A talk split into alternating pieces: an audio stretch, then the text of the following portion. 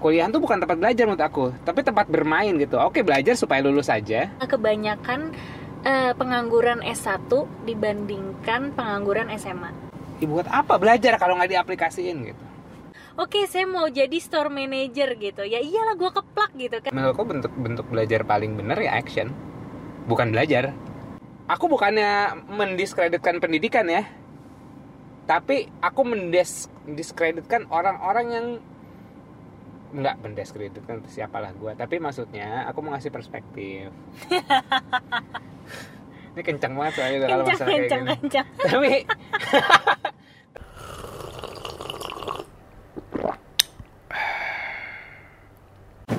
Tiga, dua, satu. Hai folks. Balik lagi bersama gue Yaser di podcast Yasha Moment. Bersama pacar saya kembali Karena kayaknya kalau ajak dia viewernya agak banyak dikit Memanfaatkan ya. jadi eh, di episode kali ini ada sebenarnya aku bersyukur kamu nggak malu-malu ngikutin ngiku, apa nongol di podcast aku karena perdebatan kita bisa jadi pelajaran rupanya buat orang gitu entah entah itu berbagi perspektif atau kayak orang jadi lebih tahu kita berdua eh, value-value kita berdua gitu nggak tahu gunanya apa nggak tak ngerti. Maksudnya mungkin mereka jadi lebih mengerti kita atau gitulah thank you banget yang udah ngasih feedback eh, feedback eh, yang direct ke Anes atau feedback ke gue. Eh, dan jangan lupa komen di ini ya komen di videonya aja langsung biar bantu-bantu kita naikin algoritmanya. Nah di tema hari ini gue mau ngebahas pentingnya kuliah kuliah itu penting apa enggak gitu kalau gue Udah tahu, udah tahu.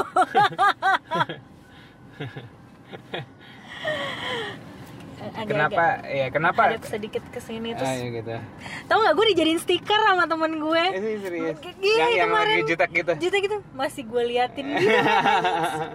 lo yang bikin stiker gue lo tahu siapa kan?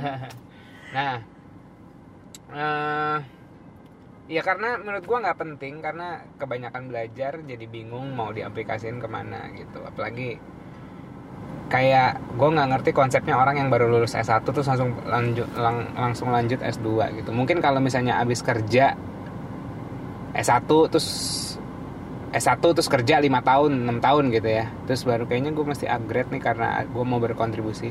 Yang aku tahu sih konsepnya eh, kita jadi S2 S3 kan karena mau kontribusi tesis kan?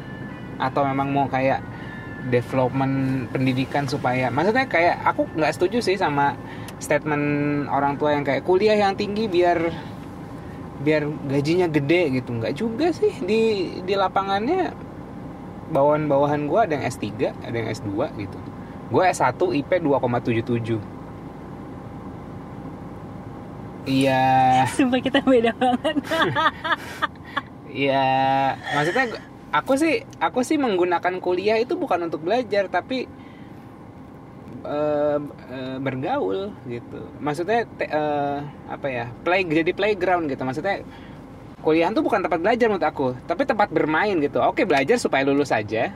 Tapi di situ manfaatin segala experience yang lo bisa berorganisasi, lo bisa belajar mabok, lo bisa pacaran-pacaran gitu. Experience semua aspek dalam tempat kuliahan itu termasuk belajarnya juga gitu.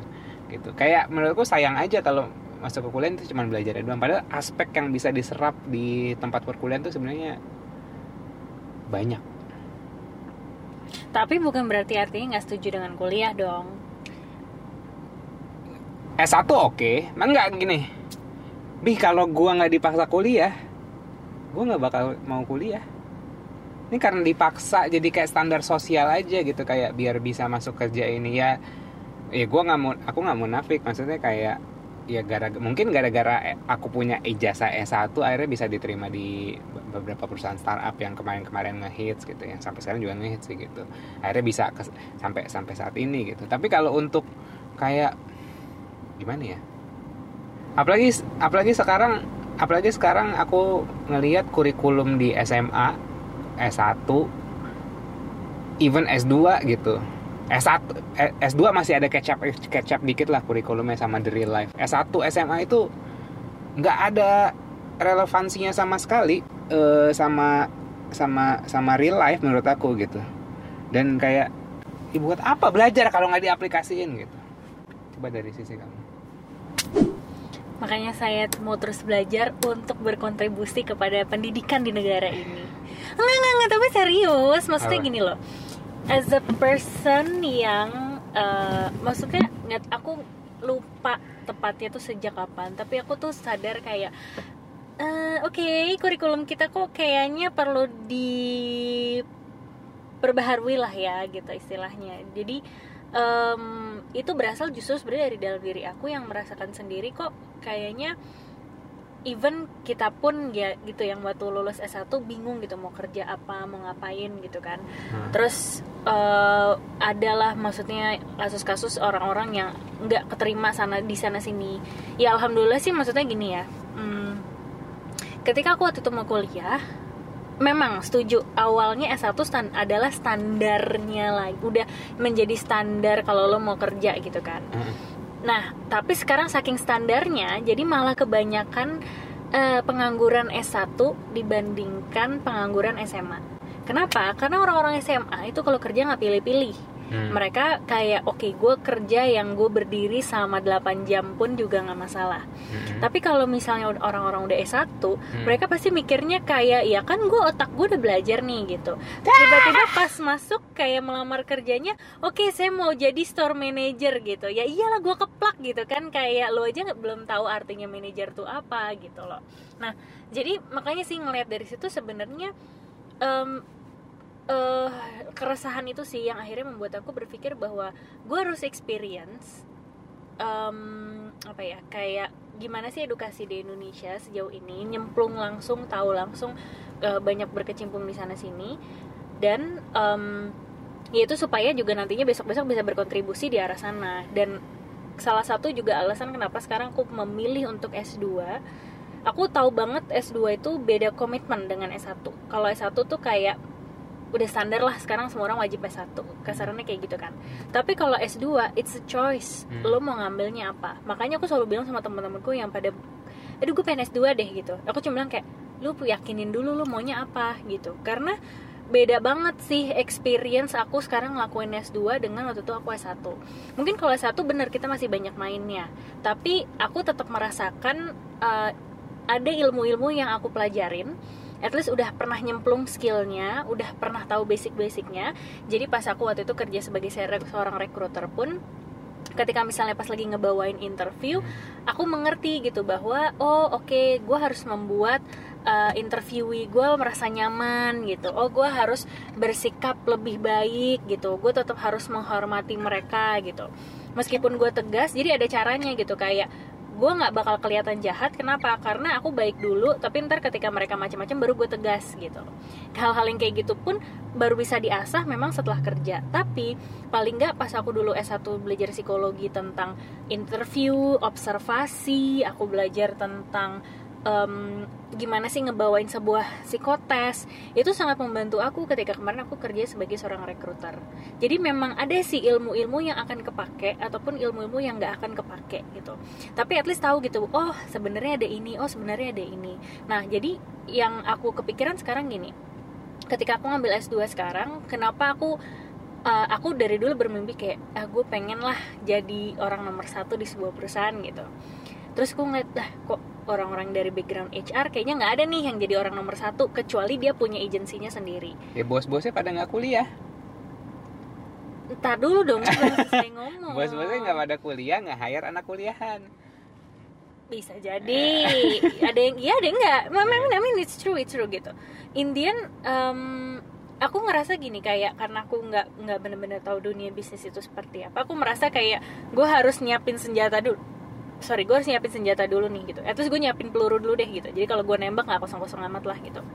Nah setelah tapi aku masuk ternyata yang membuat aku merasa bermanfaat bukan karena aku menghafal ilmunya tapi analytical skill aku diasah.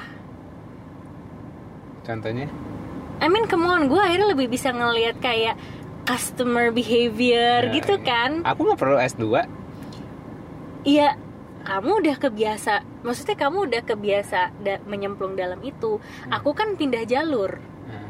tadinya aku psikologi ya kan? Aku tahu lah gimana cara melihat seseor- seseorang potensinya seperti apa gitu Hmm. kan? Kalau nggak nggak gue pacarin kan lo gitu. Eh, nah terus bi- bi- ada dramanya gitu kan? Terus habis itu masih jalan oh masih. Oke. terus habis itu yang kedua hmm, apa namanya eh, tapi kayak aku masih belum ngerti gitu. Why people buy something? Or kayak intinya apa sih core-nya apa sih gitu? Kayak hmm, misalnya eh ya mungkin juga ada pengaruh kamu juga gitu. Jadi kamu yang bagian action kamu tuh orangnya action banget gitu. Itu yang ngebantu kamu untuk bisa survive di dunia pekerjaan. Mhm. sedangkan mungkin itulah alasan kenapa ya orang bentuk bentuk aku belajar bentuk bentuk belajar menurutku bentuk bentuk belajar paling benar ya action. Bukan belajar. Action is learning. But action without peluru apa sih action without peluru? Nggak tapi menurut aku kayak we have to bring say we have to at least we know something gitu. Karena nggak semua orang sefortunate lu untuk dapetin insight. Oh orang tuh begini ya gitu. Hmm. orang tuh susah connecting the dots bi. Sumpah deh capek gue. Tapi kayak kayak aduh ini loh ini loh masa lo nggak ngerti sih? Gitu. Even kayak ada beberapa orang terdekat aku aja yang kok gitu kayak tetap nggak nggak nggak nggak dapet essence-nya gitu. It, it- tapi sayangnya yang aku lihat kuliah atau ijazah nggak tahu ya. Mungkin semenjak si Nadim jadi ini statement-statementnya dia tentang sekolah udah mulai diarahin kayak ijazah lo bukan berarti kesuksesan lah gitu. Akhirnya ada Betul. juga akhirnya ada eh, ada juga yang bersuara gitu dari petinggi-petinggi gitu yang selama ini ya lu harus punya ijazah lu harus punya sertifikasi ini apa segala macam gitu. Akhirnya orang kayak menaruh harap menaruh harapan kepada sebuah ijazah gitu. Dia berlom mereka berlomba-lomba belajar mereka berlomba-lomba untuk mendapatkan ijazah gitu That's Untuk- because that's because they didn't really know the sense of what they are learning. Mm-mm. Kalau menurut aku kayak ya sayangnya maksudnya akhirnya bukan hanya sekedar ini ya bukan hanya sekedar eh, dunia pendidikannya aja tapi dunia Hmm. pekerjaannya pun juga memaksa orang mau nggak mau ya udah yang penting gue punya ijazah gitu. Ih, ngapain lu kuliah cuman buat ambil ijazah biar bisa kerja. gue tuh aku tuh kuliah biar emak gue ngerempong aja gitu. Ini duitnya udah disis apa disisihin buat kamu kuliah. Hei kuliah kuliah kuliah. Eh, minimal eh, dapat kerja 2, koma berapa? 2,75 oke sip. Gue bikin 2,77 masih aman masih bisa keluar kerja. Tapi maksudnya itu itu kalau bisa aku bakar aku bakar aku robek gitu kayak aku bukannya mendiskreditkan pendidikan ya tapi aku mendiskreditkan orang-orang yang nggak mendiskreditkan siapalah gue tapi maksudnya aku mau ngasih perspektif ini kencang banget soalnya kalau Kencang masalah kayak kencang gini tapi tapi Nih pasti teman-teman gue pada komen lagi. Nes lo sabar banget ya Nes ya, Enggak, ya ampun gitu. ini kayak aku ya ini kan maksudnya berbagi perspektif kan gitu. Malah aku sempat sebel sama kamu juga gitu. Kayak apaan sih nih belajar mulu gitu? Nggak ada actionnya gitu. Buat apa sih lu belajar gitu? Kalau lu nggak action action gitu. Gitu loh. Belajar aja gitu. Seneng tau. Kayak dapetin ilmu baru tuh kayak tapi nggak dipakai gitu. Nggak diaplikasikan. Mungkin itu ilmu bisa dipakai tapi aplikasikan gitu. Aku tuh nggak bisa kayak punya knowledge dikit kamu ngerti. Waktu itu eh, ini sedikit eh, intermezzo. Aku pernah dibayarin kantor buat ngambil sertifikat marketing of music gitu. Apa sih music marketing? Itu dua minggu dua minggu sebelum lulus gue langsung pergi ke Bali nge DM eh, salah satu eh, apa salah satu grup hip hop grup rap di Indonesia namanya Mukarakat. Langsung gue ketemuin langsung gue bikin proposal project gue propose gue mau jadi manajernya dia. Karena menurut aku it's so abusive kalau sebuah knowledge di kepala lo tapi cuma nongkrong doang. The nature of knowledge itu diaplikasiin gitu. Bukan nongkrong di kepala lo doang.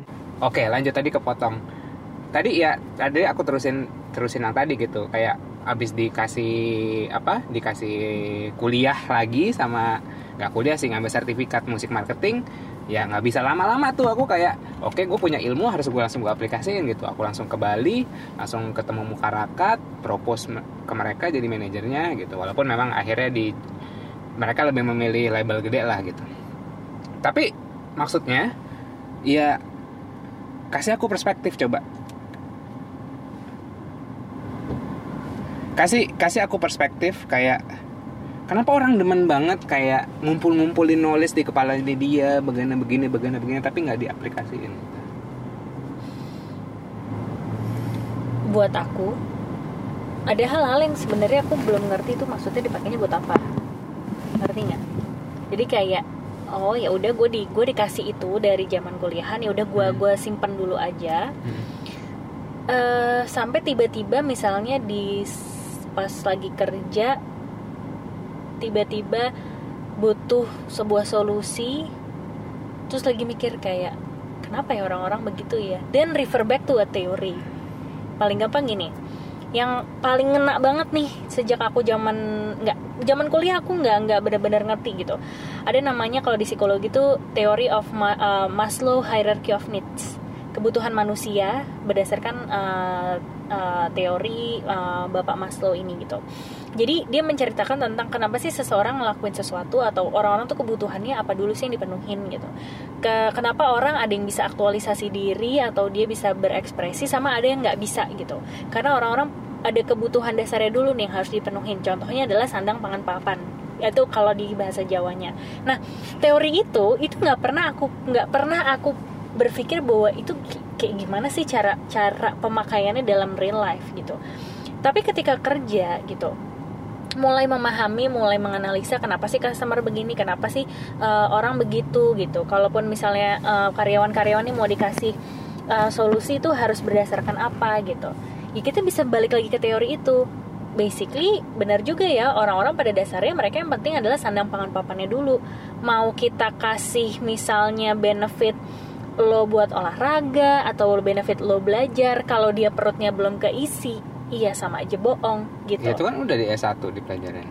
Iya tapi aku kan nggak ngerti itu implikasinya apa gitu. Sampai dengan ketika aku di dalam dunia kerja terus lagi mikir kenapa ya kok bisa kayak gitu ya? Dan refer back to a theory gitu. Heeh. nah sama halnya ketika gini em, kemarin pas aku bela- eh, maksudnya lagi belajar bisnis ini selama ini kan aku fokus kalau di HRD kan cuma di rekrutmen ya di rekrutmen. Dan setelah aku belajar di eh, S2 ini gitu padahal ini bukan belajar khusus untuk jadi HR ya tapi there's an aspect gitu. Ada satu mata kuliah cuma satu doang mata kuliah yang ngomongin masalah HR dan itu sorry nilai gue dikalahin sama temen gue yang dia dari Big Four eh, apa namanya associate Big Four gitu. Mm-mm. kayak anjir muka gue mau taruh di mana? Eh, satu maaf maaf maaf terlalu panas. Jadi mungkin sampai ngeheng gitu. Panas jadi lanjut lanjut. Tadi Iya, jadi intinya adalah em, ya di saat aku the only person yang ha- harusnya atau ceritanya nih di dalam face-nya itu adalah bisa merepresentatifkan HR gitu. Tapi nilaiku kayak tidak sebagus tem- eh, teman-teman yang dia em, ya mungkin analisisnya lebih bagus gitu. eh, what what what's matter with with nilai Bukan nilai, Hmm. tapi kayak lebih ke arah gini loh. Em, in my ego kan gue orang HR ya. Mm-mm. harusnya gue tahu dong gitu. Harusnya gue mengerti dong yang begini-beginian gitu. Tapi kan itu teori doang bukan berarti di lapangannya dia lebih lebih maksudnya lebih aplikatif gitu. Betul. Tapi teorinya aja gue kurang menguasai. Heeh. aplikasinya pun kayak pasti bingung juga gitu. Misalnya kayak aku mau membuat sebuah sorry misalnya aku mau membuat sebuah kayak penilaian karyawan gitu. Pas aku baca teorinya kayak anjir baru tahu nih gue gitu loh. Jadi dari ya, kam- situ kamu merasa kecil karena sebenarnya kamu bisa ngelakuin itu tanpa teori terus tiba-tiba dijujulin teori yang kayak dia datang sebagai benchmark akhirnya mengecilkan kamu gitu. Ya enggak juga sih. Maksudnya Nah. kayak pun gue ngelakuin itu tanpa teori kayak am- eh, tidak standar aja gitu. Hmm. Jadi kayak penilaiannya mungkin bisa bias atau penilaiannya mungkin kurang objektif gitu nah tapi kalau misalnya berdasarkan teori itu kayak misalnya udah baku Nah, ternyata bukan cuma aku dong yang ngerasain ini. Aku mencoba untuk klarifikasi dong sama teman-teman aku yang dulu kita pernah kerja bareng se di rekrutmen konsultan sebelum aku kerja di retail F&B ini kan. Terus, um, nah aku discuss tuh sama mereka kayak, guys, kayak lo sadar gak sih gitu?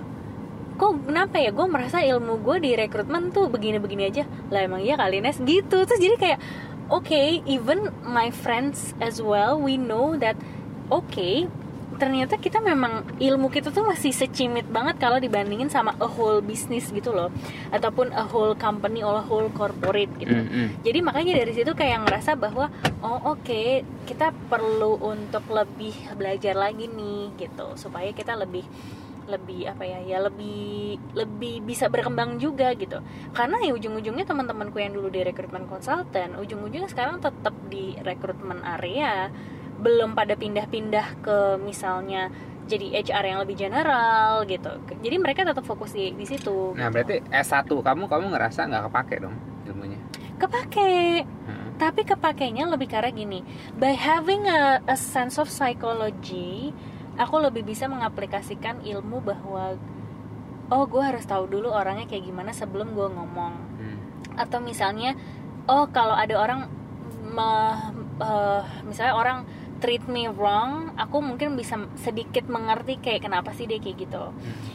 Dan paling gampangnya adalah kayak at least aku bisa mengerti keluargaku sendiri gitu dari ilmu psikologi itu jadi ilmu psikologi itu adalah ilmu inter human interaction sih menurut aku. Kita mempelajari human behavior bukan cuma kita sendiri tetapi bagaimana orang lain. Dan in the end ada human interaction kan gitu. Ketika human ketemu human mau ngelakuin sesuatu ada interaction. Berarti aku ngerasa aku harus ngelengkapin lagi juga dengan communication. Terus kemudian misalnya eh, apa namanya tuh kalau sekarang kenapa belajar bisnis? Karena aku kepikirannya adalah ya to actually get a sense of how to create an opportunity bukan lagi hanya ngikutin atau mencari opportunity makanya akhirnya aku belajar bisnis gitu dan ya maksudnya kan gini deh gampangnya adalah kamu waktu itu kan pernah ngasih bukunya Bob Sadino ingat nggak. Eh, itu juga salah satu buku yang cukup menampar aku karena kayak hmm, eh gimana ya Eh, Kuliah nggak penting sih. bukan bukan kuliah nggak penting tapi kayak eh, it's all about action dan lo memang harus harus mulai dulu dari bawah gitu loh. Hmm. dan kalau lo nggak action yes ya ya lo nggak akan pernah bisa reaching your goals untuk apa pun itu gitu. Termasuk salah satunya adalah ya per- ya benar yang kamu bilang gitu percuma kalau kita kuliah tapi nggak dipraktekin. Jadi bukan masalah kuliah itu nggak penting tetapi bagaimana kita bisa mempraktekkan si ilmu kuliah itu ke dalam sebuah praktek Ilmu kuliah yang dipelajarin sekarang semuanya ada di YouTube. Semuanya ada di ebook. Semuanya ada di podcast. Terus buat apa lagi kuliah? tidak terstruktur segitunya Ada yang berbayar langsung struktur, ya bayar juga kan tapi kan nggak semahal kuliah dan nggak ya sama sama aja kan kayak online course jatuhnya kan kayak kuliah online Heeh. ya sama aja kuliah kuliah juga dong Tapi kan nggak dapat sertifikat benchmark S1, S2. iya lu kalau dari Coursera gitu-gitu juga dapat sertifikat Heeh. yang sertifikat itu juga bisa lu present Ya berarti nggak nggak nggak penting dong kuliah. Misalnya masuk apa ke nih perguruan definisi tinggi. kuliahnya tuh apa Perguru ke perguruan tinggi. Sekolah datang ke perguruan tinggi gitu. Oh ada yang nggak kamu dapat kalau kamu kuliah online? Nah, teman-teman, iya. That's why. Alumni komunitas.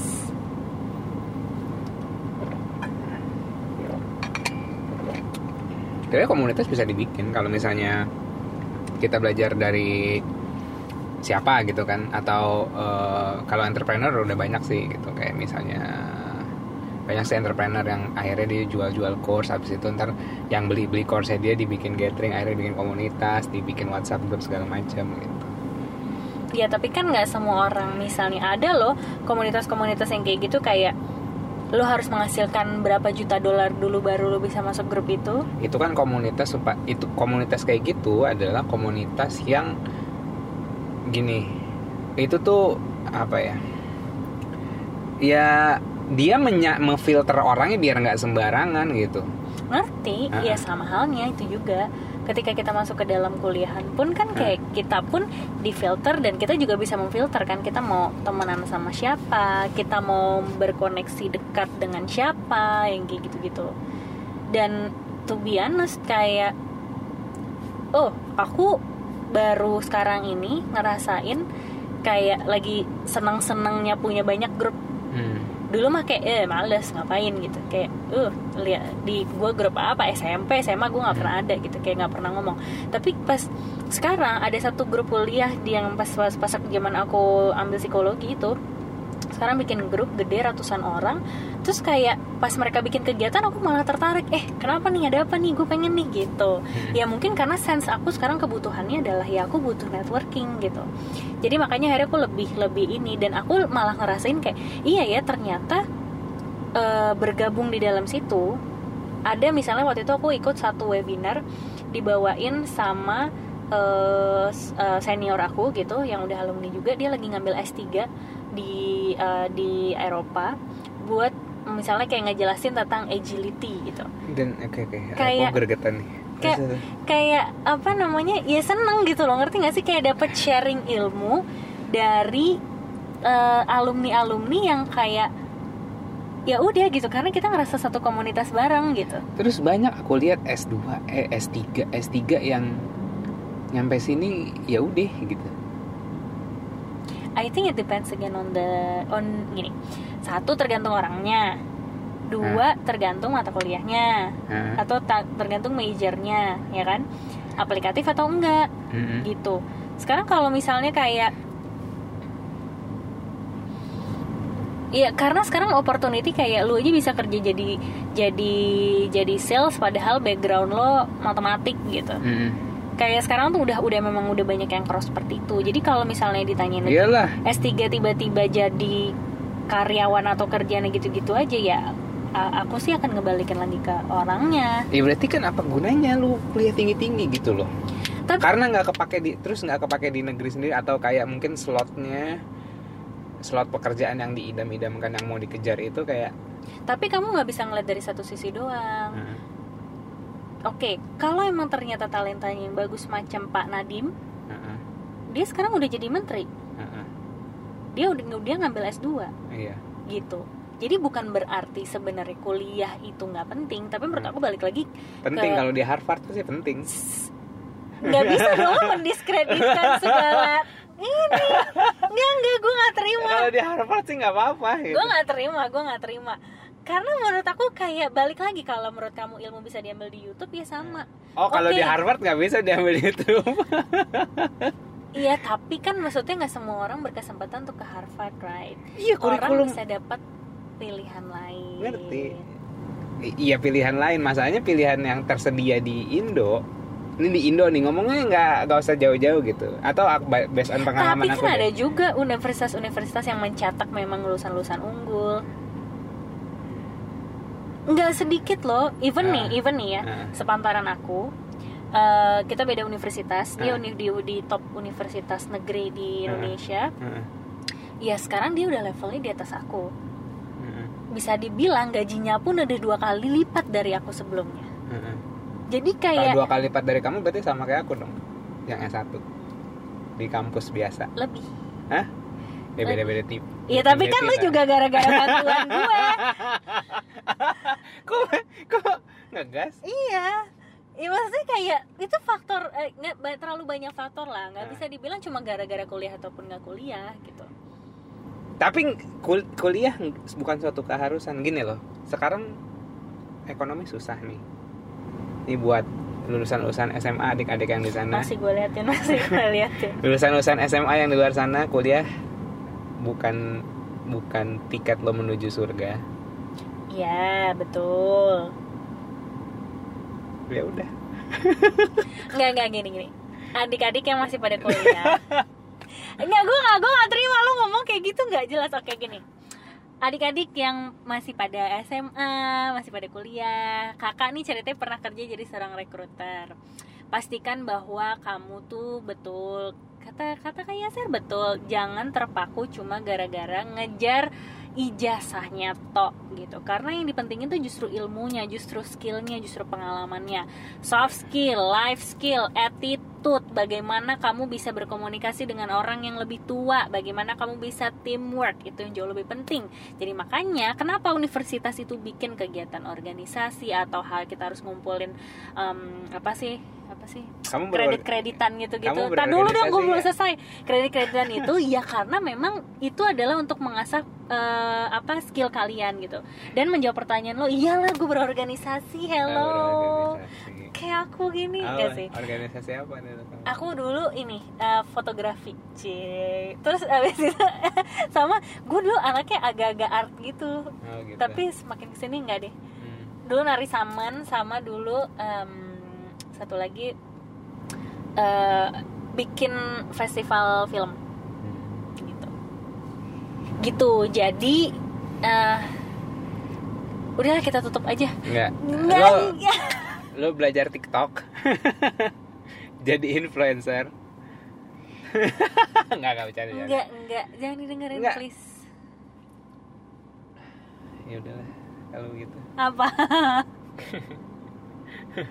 nggak nggak intinya intinya gini kuliah atau nggak kuliah pastiin bahwa kayak lo bener-bener tahu value apa yang mau lo ambil dari situ gitu. Gunanya tuh buat apa?